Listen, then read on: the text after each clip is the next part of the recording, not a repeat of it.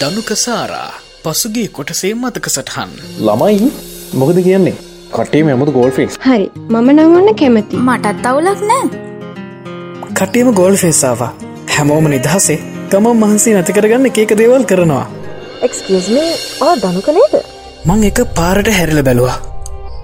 එතන හිටියේ අපේ බස්සකයාවත් අපි ස්කෝලදී දැකපු නැති කෙල්ලෙක්ව.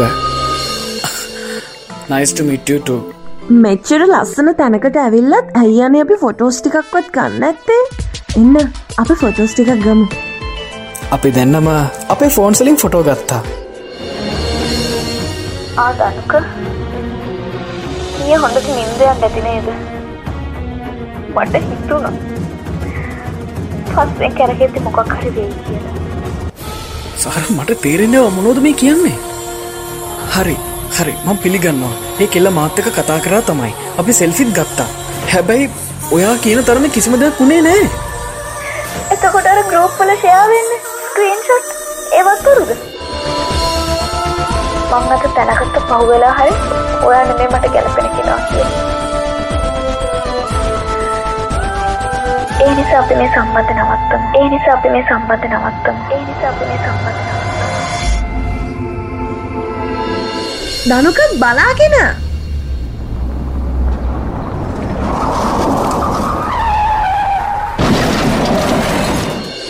හයි කවදක් කොහොම මුණ ගැහෙද කියන්න කවුරුවත් දන්නේ හැබැමට විශ්වාසයි.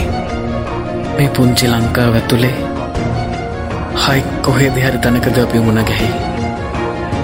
අනේ මුණ ගැහිච දවසට එක වචනය කරමාප්තක් කතා කරන්න. ඒ හොඳට මැතේ හාගි දනුක ඔයාගේ ජීවිතෙන් ඇත්තලා සදහටම යනවා. සදහටම යනවා. මාස අටකට පසුව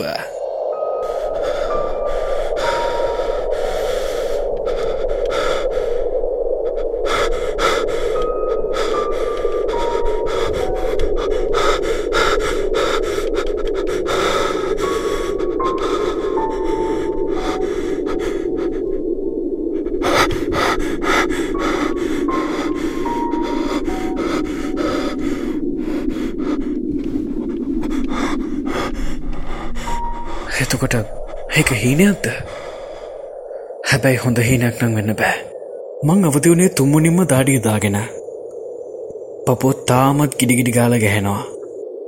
හැබැයි මටේ හීනෙන් ඇහුණ කටහඬ නං මීට කලින් කොහෙදයාරි අහල පුරුදුවයි ෆක් මගේ හිතේ මනස්කාත මං එහෙම කියලා මවාගත්ත කේන්තීම ඇඳෙන් නැගිට්ටා. හද කරන්න විශේෂ වැඩක් නැති නිසාම මන් දවල්ලනක නිදාගත්තා. නිදිමත විකාරෙන්ම සාලෙටාවත් අම්මල පේන්න හිටිය නැහැ. අම්මා කොයද ගියයි සමහර විට මහකොරටුව නැන්දලා ගියාද දන්නේ මං එහෙම හිතල කුස්සියට ගිහින් වතුර කේතලේ ලිපේ තිබ්බා. දනුක දනුක උඹ තාමනීදබ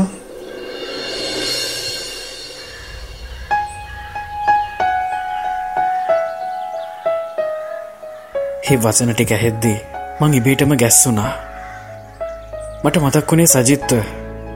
ඉස්සර උදේට හැම දාමූ මාව හැරවන්න මේ විදියට කතා කරලා.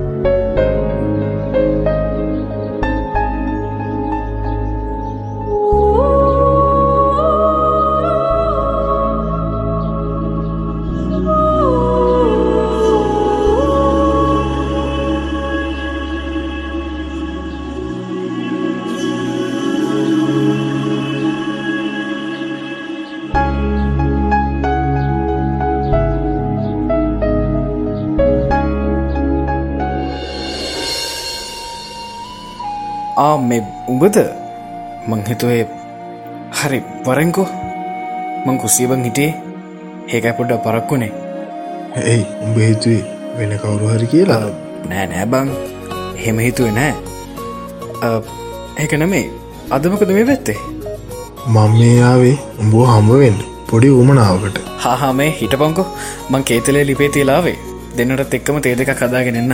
මං ආයමත් කුසියට ගිහින් තේ දෙකකුත් හදාගෙන වැලි තලප කෑලි තුනහතුරකුත් අරගෙන සාලෙටාවා මචන් මං මේ කල්පනා කරේ පොඩි ජොබ් එකක් කරන්න කියලා. ආ ඒක කොච්චර හොඳද? අනික ඉතින් වර්කින් එක්ස්පිරන්ස එක කරගෙන තියෙන එකත් හොඳයින්නේ වැඩියත්ම ඉතින් ගෙදරට වෙලා මිඳලා ගෙදරයට බරක් වෙනවට වඩා මෙහෙම දෙයක් කරහම ඒගෙත් පොඩි ගැම්මත් තියෙන වනේද ඕබා ඒකනං ඇත්ත. ඒ අක්ක කිව්වා එයා වැඩ කරන්න කම්පැනයට දාන්න බයෝඩේට එකක් හදාගෙනන්න කියලා. උම්බ ඉතින් මේ වැඩ දන්නවනේ ඒකයි මං බෝහයාගෙනාවේ හයි යෝබං ඔහු සුළු දෙයක්නේ මං අතම කරලා දෙන්න. මං කටුවට කොලයක ලියාගෙන ආවා. මේ අප හැදිල් තැන් තිබුණොත් එහෙම කියපන් හොඳද? හරි හරි බං. මේ දැඟප කවද්ද යන්නේ? ඇඳුම් ටික හදාගෙන තමා දවසක් ඉල්ලගන්න ඕනි. හප්පා හෙමද ආ, හරි. බහවස වරෙන්කු. මං හදල තියන්න. හ්ම්?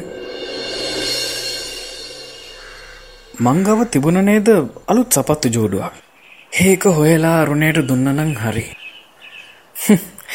මං ඉතින් දැන් සපත්තු දාගෙන කොහෙ කියලන්නද මං අපේ කාමරේ තිබුණ පරණ අල්මාරි අරලා ඒ සපත්තු ජෝඩුව හෙව්වා. ඒ හොයද්දි තමයි මගේ හුස්ම තප්පර කීපකට නතර වුණේ. ෆෝන් එක? හේතමයි මගේ ෆෝන් එක. මීට මාස අටකට කලින් හැමදීම දාලා ගමේ අපපු දවසේ මං එක ස්විච් ඕ් කරලා මටය අරගන්න බැරි විදිහටම පරණ අල්මරිට දාල් ලොක් කර. මොකද මං කැමතුනේ නෑ ෆෝන් එකක් නිසාවත් පරණ මත කැවිසිලා විඳවනවට. හෙනිසා තමයි මං හෙම කරේ. මට ඔනුනේ ඇත්තටම පරණ හැම දෙයක් මමතක කරන්න. උඩුහිත එපා කිව්වත් මගේ අටහිත තැන් ඒක ඩිඩක් වෙන එකක් නෑ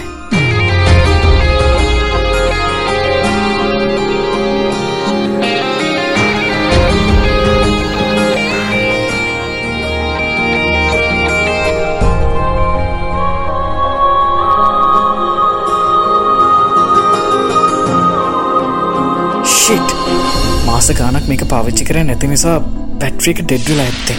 ටිකක් චාර්ජ් කරාම හරියයි. මං කීප පාරක්ම ෆෝර්න කොන් කරන්න ට්‍රයි කරත් එක වැඩ කරේ නැහැ. මං ෆෝන එක ප්ලක් කරලා චාර්ජන්න මේ සුඩින් තිබ්බා. මට අද වගේ මතකයි. එදා ස්කෝලදී මගේ ෆෝන් එකට උන්නදේ දැකලා හශයෙන් මට මේ ෆෝන් එක දුන්න විදිහ. හැත්තමයි හෙතකං මගේ ජීවිතය කිසිම යාළුවෙක් මට එහෙම උදව්වක් කරලා තිබුණ නැහැ. අ, ඇත්තටම උන්ද මොනව කරනවා ඇත්ත? මට මංගැන මැතිවුණේ පුදුමාකාර කලකිරීමක්.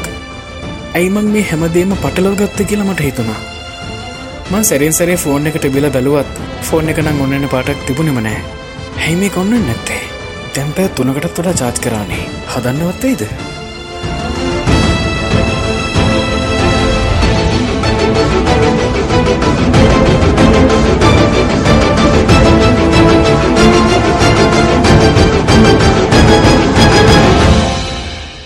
මං එහෙම හිතල හැරුණ විතරයි. එක පාරටම ෆෝන් එක ඔන්න වුණා. මට දැනුනේ පුදුම සතුටක්. හරියට පරණ හැමදේම ආයමත් ලැබුණ වගේ හැඟීමක්. හැබැයි ඒ සතුට වැඩි වෙලාවක් තිබුණෙ නැහැ.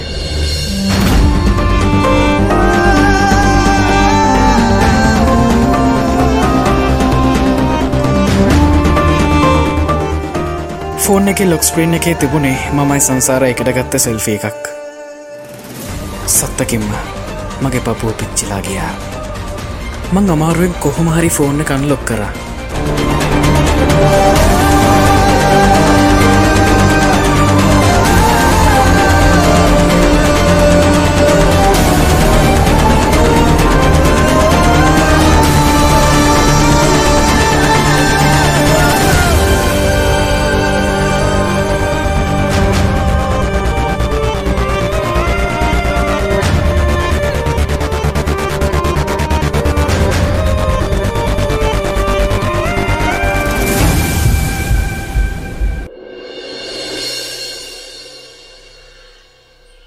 නෝසවිස් ෂෙට් ලයින් එක ඩිස්කනෙට් කරලා. මාස ගානක් පාවිච්චි කර නෑනේ සමහරවිට එහින්ද වෙන්න ඇති මං ඇඳුමක් දාගෙන බයික එක ටවුන් එකටාවා සොරිස සවි කලින් නම්බ එක නම් ගන්න විදියක් නෑ දැන් ඒක මෙ කෙනෙක්ට පවරලා තියෙන්නේ. ඒකත් එහෙමද? හරි. මට එන අලුත් සිමකක් දෙන්න. ආ මෙනස එක ඇක්ටිව් වෙලා තියෙන්නේ. සට දැම්මුණත් පාවිච් කරන්න පුළුවන්? ඕකේ තැංකූ මං වැඩේ කරගෙන අයමත් ගෙදරැවිල්ලා ස්තෝපේ පඩියෙන් ඉඳගත්තා. අලුතෙන් ගත්ත සිම්කාඩ් එක ෆෝර්නකට දැම්ම විතරයි මා සටක් තෙස්සේ එන්න තිබුණ හැම නොටිෆිකේෂන් එකක් මෙන්න පටන් ගත්තා. හැමෝගෙන්ම හිතාගන්නවත් බැරිතරන් කෝල්ස් මැසේජ සැවිල තිබුණා. මගේ හැම මැසේජ එකක්ම බැලුවේ හරිම ආසාාවේ. එ සතුට මට වචනවලින් කියන්න බෑ.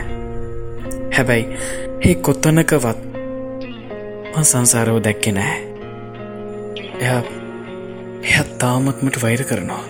ආයිමත් ෆෝර්න කරගෙන කරපු වැඩේ බරපතලකම තේරුණය මට එතකොට. මං විහිං මවම පාරගත්තා. මට ඒ වෙලා ඇතිවුණේ මං ගැනම තරහක්.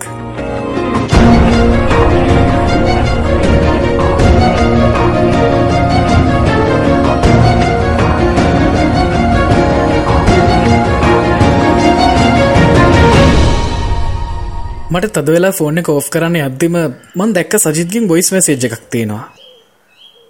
කරදරයක් කලබලයක් නැත්තං ඌ කවදාවත් වොයිස් මැසේජ් එකක් එවන්නේ නැහැ. හෙවගේ වෙලාතකදී මිනිට ටයිප් කරගන්න බෑ.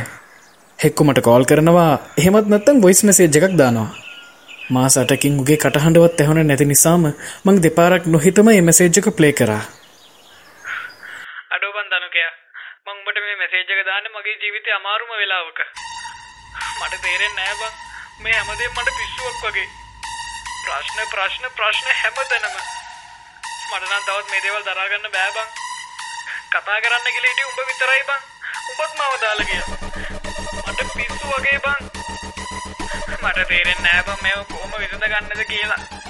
අම්ම ලංකාවට එන්නෙත් නෑ. අම්ම ඒ වෙන කසාදයක් බැඳගෙන ජීවත් වෙනවලු.